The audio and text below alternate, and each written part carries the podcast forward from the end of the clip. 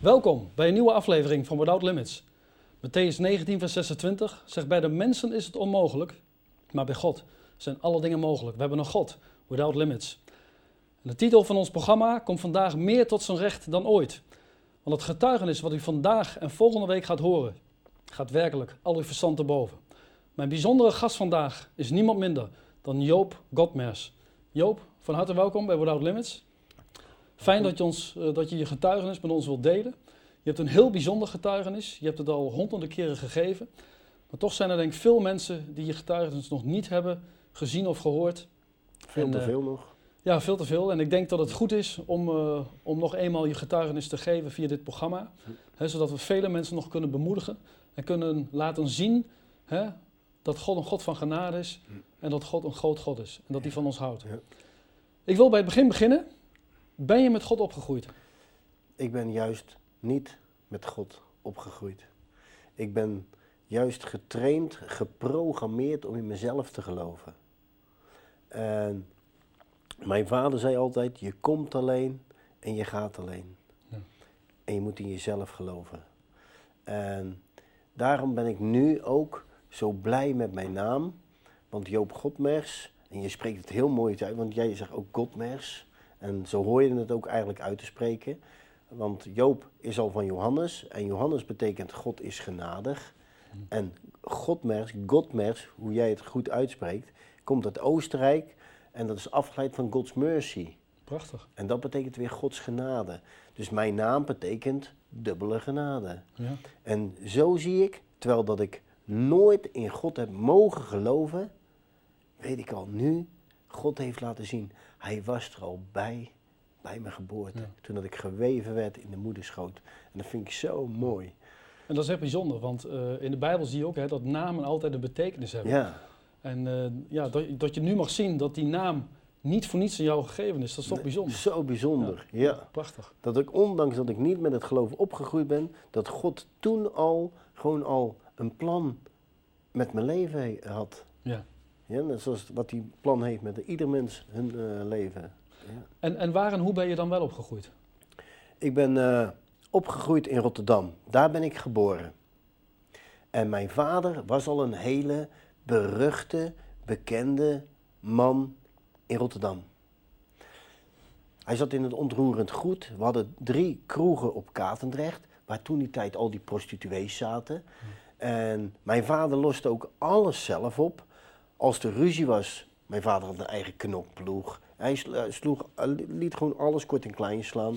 Die regelde altijd alles zelf. En ik was dat kleine, lieve knulletje van mijn vader. Ik was niet zo'n type als mijn vader. Ik weet nog dat ik op een school kwam. En die directeur van die school, die wist niet dat ik op zijn school kwam. En die ziet mij en die zegt van... Jopie? Jopie? En die komt naar beneden lopen. Hij zegt, Jopie, hij zegt, wat ben ik blij dat het goed met jou is gekomen. Wat was jij vroeger een zielig, lief, klein knulletje. En zo groei ik op. Als een lief klein knulletje. Uiteindelijk worden alle prostituees uit Katendrecht weggehaald. Mijn vader verkoopt zijn cafés. En zo komen we in een boerendorpje Halsteren terecht. En Halsteren, dat ligt tegen provincie Zeeland en tegen de Belgische grens aan. Ja. En ik was zes jaar oud. We gingen daar naartoe. En ik vond het helemaal te gek natuurlijk. Van de grote stad naar zo'n klein boerdorpje. En ik ging daar voor het eerst mijn vriendjes leren kennen. En ik, die ene jongen die komt naar me toe en die zegt van... Hé, hey, moet je eens goed luisteren. Ah, uniek, ik zag je eens pakken. en ik denk, hè? Ik verstond die kinderen niet. Ja. Ik verstond ze niet. Dat was gewoon, het was net of ik in het buitenland zat. En ik denk, waar ben ik in terecht gekomen? Maar voordat ik het wist, begonnen ze me te pesten, te slaan en te schoppen. En ik dacht van, en nu? En waarom was dat? Ik, ik kwam uit? Rotterdam, met mijn Rotterdamse accentje. Ik had lieve sproetjes, ik was een lief klein knulletje. En ik was natuurlijk een gewillig slachtoffer om gewoon te pesten. Ik kwam er gewoon niet tussen op die school. En uiteindelijk moest ik ook sigaretten stelen uit het café. We hadden daar natuurlijk weer een café gekocht. En dan moest ik sigaretten stelen uit het café. En die moest ik dan afgeven voordat ik het schoolplein op mocht. In de hoop dat ze me een keer niet in elkaar zouden slaan. En toen ging ik naar mijn vader. Omdat het gewoon, ik wilde niet meer naar school. Ik werd zo gepest. En ik zei, pa, ik wil niet meer naar school. Ik zeg, ik word zo gepest op school, het is niet meer uit te houden. Hij zei, word jij gepest op school? Is goed, ga je maar op boksen, kan je terugslaan. En voordat ik het wist, zat ik op boksen. Mijn vaders wil was wet. Ik was nog geen acht jaar. Mijn bokshandschoenen waren groter als mijn hoofd. Ik poepte net niet meer in mijn broek. En Joop zat op boksen. En daar werd hij iedere week in elkaar gestompt. Door drie vriendjes van elf jaar. En heel vaak ging ik naar boksen toe, huilend. Maar nog vaker kwam ik huilend van boksen vandaan. En als mijn vader zag dat ik gehuild had, kreeg ik van mijn vader ook nog een pak slaag. Ik heb een keer slaag gehad van mijn vader, zodat het bloed tegen het plafond aan. Onvoorstelbaar. Mijn vader, toen dat hij dronken was, sloeg hij een keer mijn moeder met een glazen asbak. Die kwam voorbij lopen, pakte die glazen asbak en slaat hij zo mijn moeder de schedel in. Daar heeft ze een half jaar van in het ziekenhuis gelegen, in coma gelegen. Daar kreeg mijn vader drie maanden gevangenisstraf voor en ik moest naar een tehuis. In deze situatie groeit dat lieve kleine knulletje op. Ik was niet zo'n type als mijn vader. En toch ja, want je had natuurlijk een heel slecht voorbeeld. Ja, maar ehm, toch, uiteindelijk word ik, omdat het geen houdbare situatie meer was op school, werd ik van school afgestuurd. En ik loop het café binnen en ik zeg, pa, ik ben van school afgestuurd. Dat kon niet. Ik was geen type om van school afgestuurd te worden. En hij zegt, jij van school afgestuurd? Ik zeg, ja pa, hier een brief. Voordat hij weer begon te slaan. En hij maakt die brief open, was ik van school afgestuurd wegens stelen, liegen en spijbelen. Ja. Maar dat moest je dus, omdat je gepest werd. Ja. Hè, anderen lieten jou dat doen. Hey. En die zei mijn vader, stelen, liegen, spijbelen? Ik zeg, pa, ik zeg, dat is niet waar, man. Ik kom er gewoon niet tussen op die school. Hij zei, is dit echt niet waar? Ik zeg, nee pa, echt niet. Mee naar school. Nou, dan, toen wisten ze nog niet wie mijn vader was. Maar dus het waren leugens. Het waren leugens. En mijn, wij, wij woonden natuurlijk in een café, dus ik had eh, ehm, schriften van de macro, dezelfde schriften als van school, weet je wel. Maar het was gewoon een leugen. Ze wilden mij gewoon van die school af hebben. Ik kwam er gewoon niet tussen. Ik was het enige Rotterdammetje die daar op school zat. En ze wilden mij daar gewoon vanaf hebben. En mijn vader werd daar zo boos om. Die zegt, mee naar school. En ik ga mee naar school. Hij zei, waar is die directeur? Ik zeg, in dat kamertje. Hij stapt dat kamertje binnen, zegt wat tegen die directeur en hij stomt heel die directeur in elkaar. En hij zegt, meekomen. Waar is je lokaal? Ik zeg, kom maar mee, pa. ik zeg, met hem had ik ook nog wel een appeltje te schillen. En hij stapt mijn lokaal binnen, hij stapt naar die leraar toe, stomt die leraar in elkaar, spuugt op de grond en hij zegt, zo, wij willen al niet meer op deze school zitten. Joop, pak je spullen. En zo liep ik zo trots als een pauw. Ik werd daar iedere dag gepest. En nu sloeg mijn vader de boel te klein. Dus ik liep zo trots als een pauw, liep ik naar mijn tafeltje. Ik pak mijn spulletjes en mijn blokfluit. Ik was gewoon lief knulletje. Ik zat op blokfluitles. En zo liep ik als een lief knulletje, zo trots als een pauw, achter mijn vader aan. En zo wordt mijn vader mijn grote held. Ik kom op een andere school terecht, want er was nog maar één school over in dit dorpje. Alleen, daar was een school, daar kreeg ik te horen dat we de volgende dag naar de kerk gingen. En ik, was, ik had nog nooit een kerk aan de binnenkant gezien. En ik vond het zo interessant.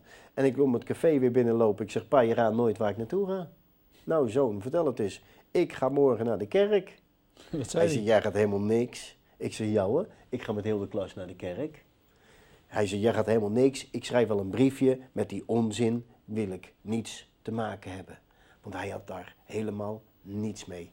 Daarom zeg ik ook, Ik ben getraind, geprogrammeerd om in mezelf te geloven. Ik had een boksbroekje, dat was mijn geluksbroekje. Daar stonden mijn initialen op. Ik zeg, pa, ik wil geen nieuw broekje, want het is mijn geluksbroekje. Hij zegt, ga weg Joop, er zit toch geen geluk in een broek, man. Zo, zelfs van ieder bijgeloof walgde die van. Ik, weet je, hij zegt, je moet in jezelf geloven. Of een kruisje slaan, of wat dan ook. Hij, daar moest hij niets van hebben. Jij moet het doen, zelf. Je moet in jezelf geloven. Daarvoor zeg ik ook altijd, ik ben getraind, geprogrammeerd om in mezelf te geloven. En uiteindelijk zou ik het daar ook heel ver mee schoppen. Ehm, ik, hij, maar, maar toen dat hij dat briefje schreef dat ik niet mee hoefde naar die kerk, ja, hij had de boel al kort en klein geslagen. En nu dit weer. Ik begon me eigenlijk ook te schamen voor mijn vader. Dat briefje heb ik natuurlijk nooit gegeven. Ik ben gewoon stiekem meegegaan naar de kerk. Maar daar was ik zo stom vervelend dat ik zelfs de kerk uit werd gezet. Dus ik had daar helemaal niets mee. Maar is er ook iets wat, wat goed ging in die periode? Tuurlijk, er ging heel veel goed. Want wat ging ik nu doen? Ik wilde nog maar één ding, zo worden als mijn vader. Dus, um, één, ik werd op één op andere dag niet meer gepest. Ik was nu ineens het zoontje van die vader die de boel kort en klein had geslagen op die andere school. Ja, dat wisten ze daar al. Tuurlijk, dat was het verhaal in het dorp. Dus ineens wilde iedereen mijn vriendje zijn. Als mijn vader naar Rotterdam ging, naar Katendrecht, mocht ik een vriendje meenemen want dan had hij geen last van mij. Nou, dan was ik super trots op mijn vader. Dan gingen we met een hele snelle auto rijden. Met een rotgang naar Rotterdam. En dan vond ik, ja, dan was ik zo trots op mijn vader. Maar mijn vader sloeg ook minimaal één keer in de veertien dagen mijn moeder totaal los. Ons in elkaar. Mijn vader was super agressief. Maar toch, als je zo erg gepest bent als dat ik gepest ben, wordt je vader toch je grote held, omdat vanaf dat moment je niet meer gepest wordt. En dat is heel krom, heel dubbel. Ja. En uiteindelijk, um, op 14-jarige leeftijd, sloeg ik de wiskundeleraar al in elkaar.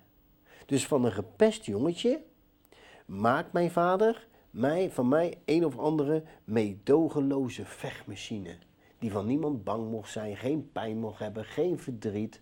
En zo um, ging het steeds meer, steeds meer de kant op van mijn vader. En toen ging het pas echt fout eigenlijk. Maar in eerste instantie ging het ook supergoed. Ik zou ook uiteindelijk overal kampioen in worden.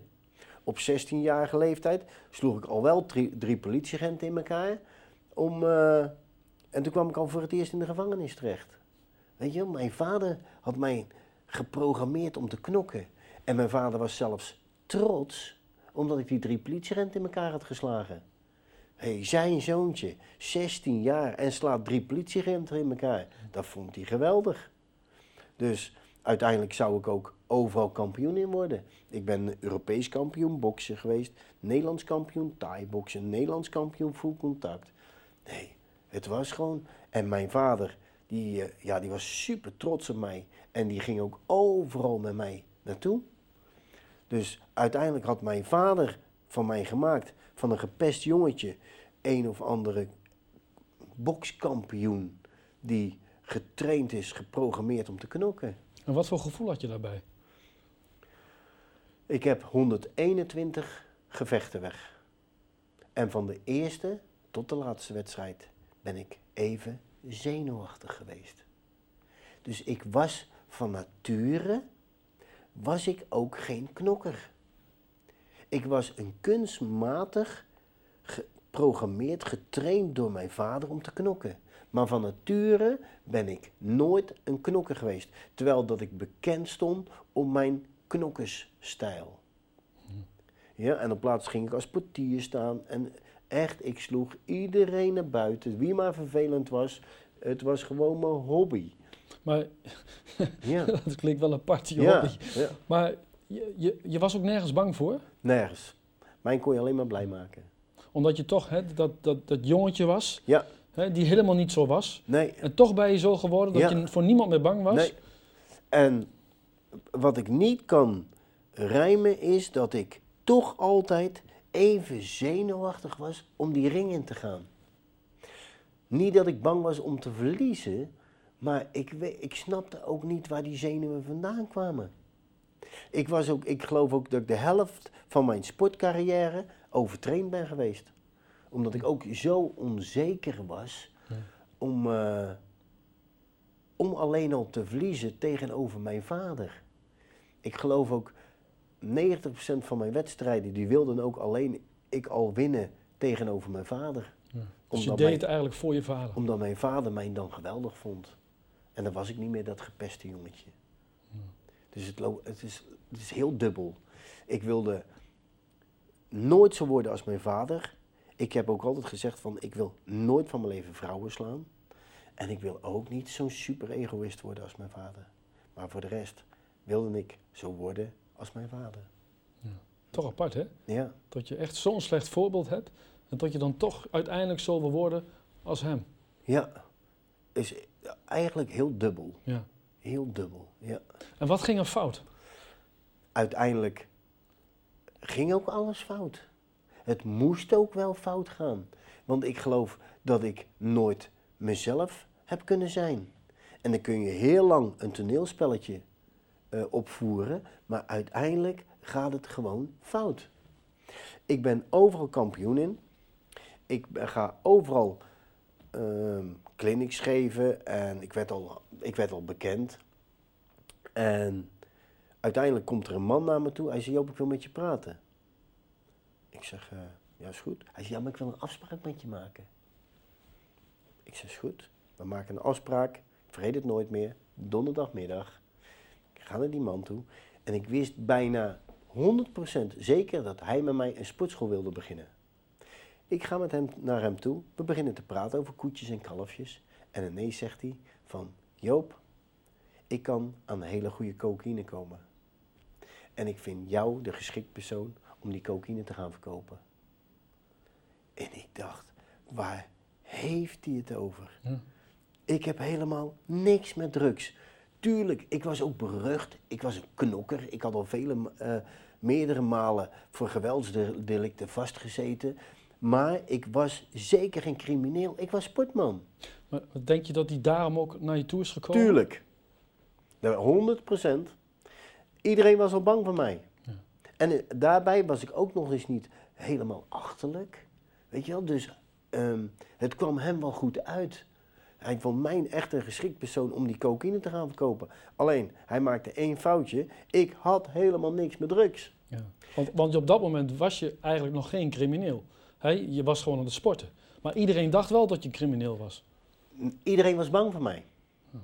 Ja? Als ik een discotheek binnenkwam, was het net de Rode Zee die open ging. Niemand durfde tegen mij aan te lopen. Omdat ze bang waren om een pak slaag te krijgen. Ja? Als ik ergens binnenkwam, er werd er niet gevochten. Als er gevochten werd, deed ik het. Dus tuurlijk, ik was al wel berucht. En dan kom je wel misschien wel heel crimineel over. Maar ik was sportman. Hele dagen deed ik trainen. En niet anders. En uiteindelijk ging hij vertellen van, eh, en dan gaan we zus doen en dan gaan we zo doen en dan kunnen we dit verdienen en dat verdienen. Ik dacht, waar heeft hij het over? Nou, ik was inmiddels getrouwd met een eh Zeelse vrouw. Nou, je gaat niet naar je vrouw toe, en zeker niet naar een Zeelse vrouw, om te zeggen van vrouw, ik kan eh cocaïne gaan verkopen, wat vind je ervan? Ja. Nou, dat doe je niet. Ja. Dus ik heb dat zelf beslist. En dat doe ik op twee, deed ik op twee voor. Ik dacht van, het zijn toch allemaal sukkels die drugs gebruiken? En als ik het niet ga doen, gaat een ander het toch doen? Laat mij er dan wat geld mee verdienen. En zo neem ik een beslissing om die cocaïne te gaan verkopen. Ik ga terug naar die man en ik zeg van, kom op, we gaan ervoor. Hij zegt, weet je het zeker? Ik zeg, we gaan ervoor. En zo gaat hij cocaïne pakken. Komt hij met een blok cocaïne aan. En ik keek zo. Ik zeg, is dat cocaïne? Hij zegt, eh, ja, dit is super cocaïne. Ik zeg, maar cocaïne is toch poeder? Een blok rijdt er nooit je neus in. Weet je? Ik had helemaal niks, geen verstand van drugs. Ik kon niet geloven dat dit blok cocaïne was. En het vond het verschrikkelijk stinken. Zo ga ik met dat blok cocaïne naar een koffieshop aan de Belgische grens. Dat was een maat van mij. En ik zeg van hier, kijk het eens na. kunnen we hier iets mee? En hij komt super enthousiast, komt hij terug en hij zegt, Joop, dit is superspul, hier gaan we geld mee verdienen. En was het ook de reden waarom je dat bent gaan doen, om het geld? Uiteindelijk zou ik niet weten waarvoor dat ik het anders gedaan zou hebben. Alleen maar voor het geld. En ook misschien wel voor de kick. Ik weet het ook niet, want geld had ik eigenlijk al zat. Hm. Maar toch, um, echt de reden weet ik niet. Maar ik denk ook wel dat geld een eh, grote rol erin gespeeld heeft. Je zegt net van uh, geld had je al zat. Waar verdien je daarvoor dan je geld mee? Uh, met mijn boksen natuurlijk. Ik werd gesponsord. Ik werkte als portier. Dus ik had al, uh, ja. ik had al in de stijgerbouw gezeten. Dus dat verdiende toen die tijd ook wel heel goed. Dus dat was voor mij net trainen, de stijgerbouw. Dus nee, ik had aan geld geen gebrek. Ik reed al in een sportwagen. Dus, Oké. Okay. Ja.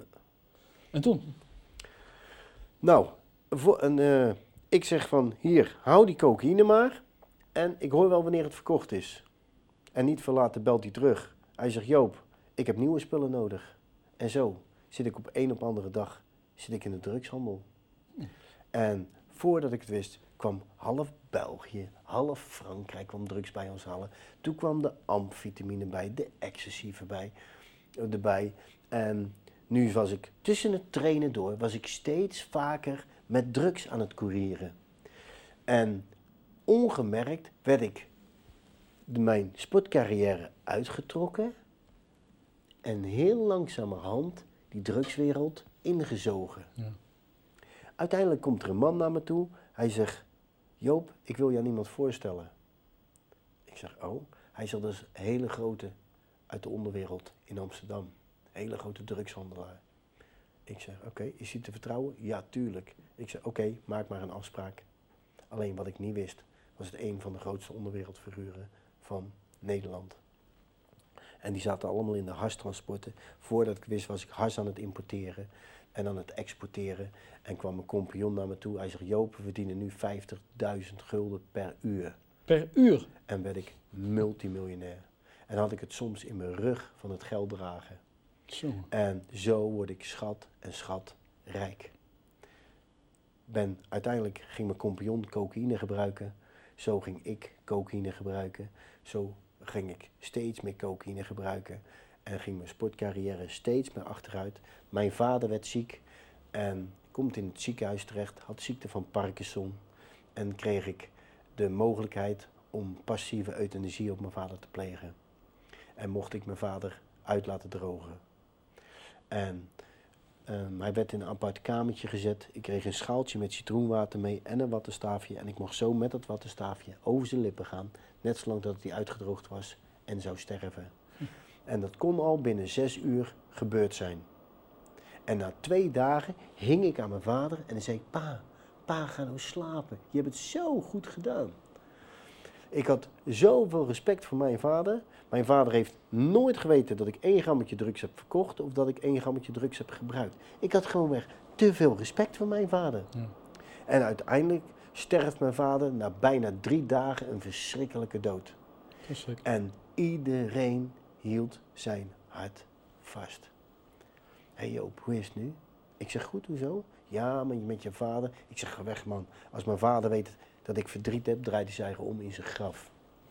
En zo ging mijn vader de laatste eer bewijzen met dit, met zijn product. Hmm. Maar daarbij begon ik verschrikkelijk veel drugs te gebruiken. En begon ik mij steeds meer te manifesteren als crimineel. Hmm. En dat hadden de mensen ook uh, verwacht uh, nadat je vader was gestorven? Dat ze dachten, nou, nou gaat hij helemaal door het lint? Ik, volgens mij verwachten ze niet dat ik drugs zou gaan gebruiken. Want daar was ik een te veel sportman voor. Er waren mensen die wilden nog ineens geloven dat ik drugs gebruikte. Maar ik begon natuurlijk in het geheim steeds meer drugs te gebruiken. Ik liet mijn haar groeien. Ik begon mij steeds meer te manifesteren als crimineel. Ik begon een pistool uh, te dragen. Um, toen werd Klaas Bruinsma, werd, uh, Klaas Bruinsma werd geliquideerd. En toen gingen ze al zijn vertakkingen af. Zo kwamen ze bij mij terecht.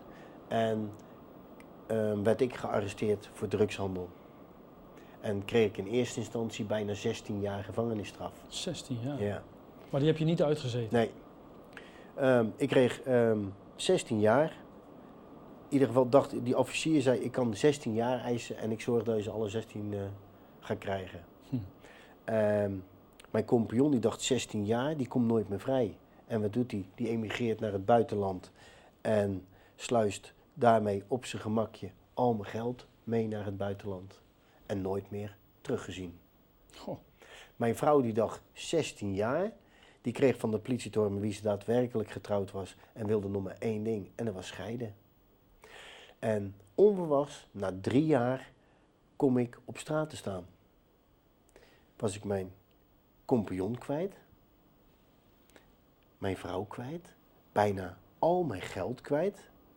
En toen dat ik net vrij kwam, was het net of mijn vader weer net overleden was. Ja. En ik, was zo, ik had zo'n bolwerk van woede in mijn hoofd dat ik nog maar één ding wilde: nog meer geld verdienen. En zo ga ik, uh, duik ik weer helemaal die onderwereld in. En binnen 14 dagen liep ik weer met een kilo cocaïne onder mijn jas om die te gaan verkopen. Zo. En zo begon ik alweer heel veel geld te verdienen. Woon ik alweer in een schitterend huis. Met een sportschool eraan gebouwd. Um, ja, ik, het ging allemaal weer voor de wind. Alleen één ding. Ik gebruikte daar heel veel drugs bij. En hoe lang heb je in de gevangenis gezeten in totaal?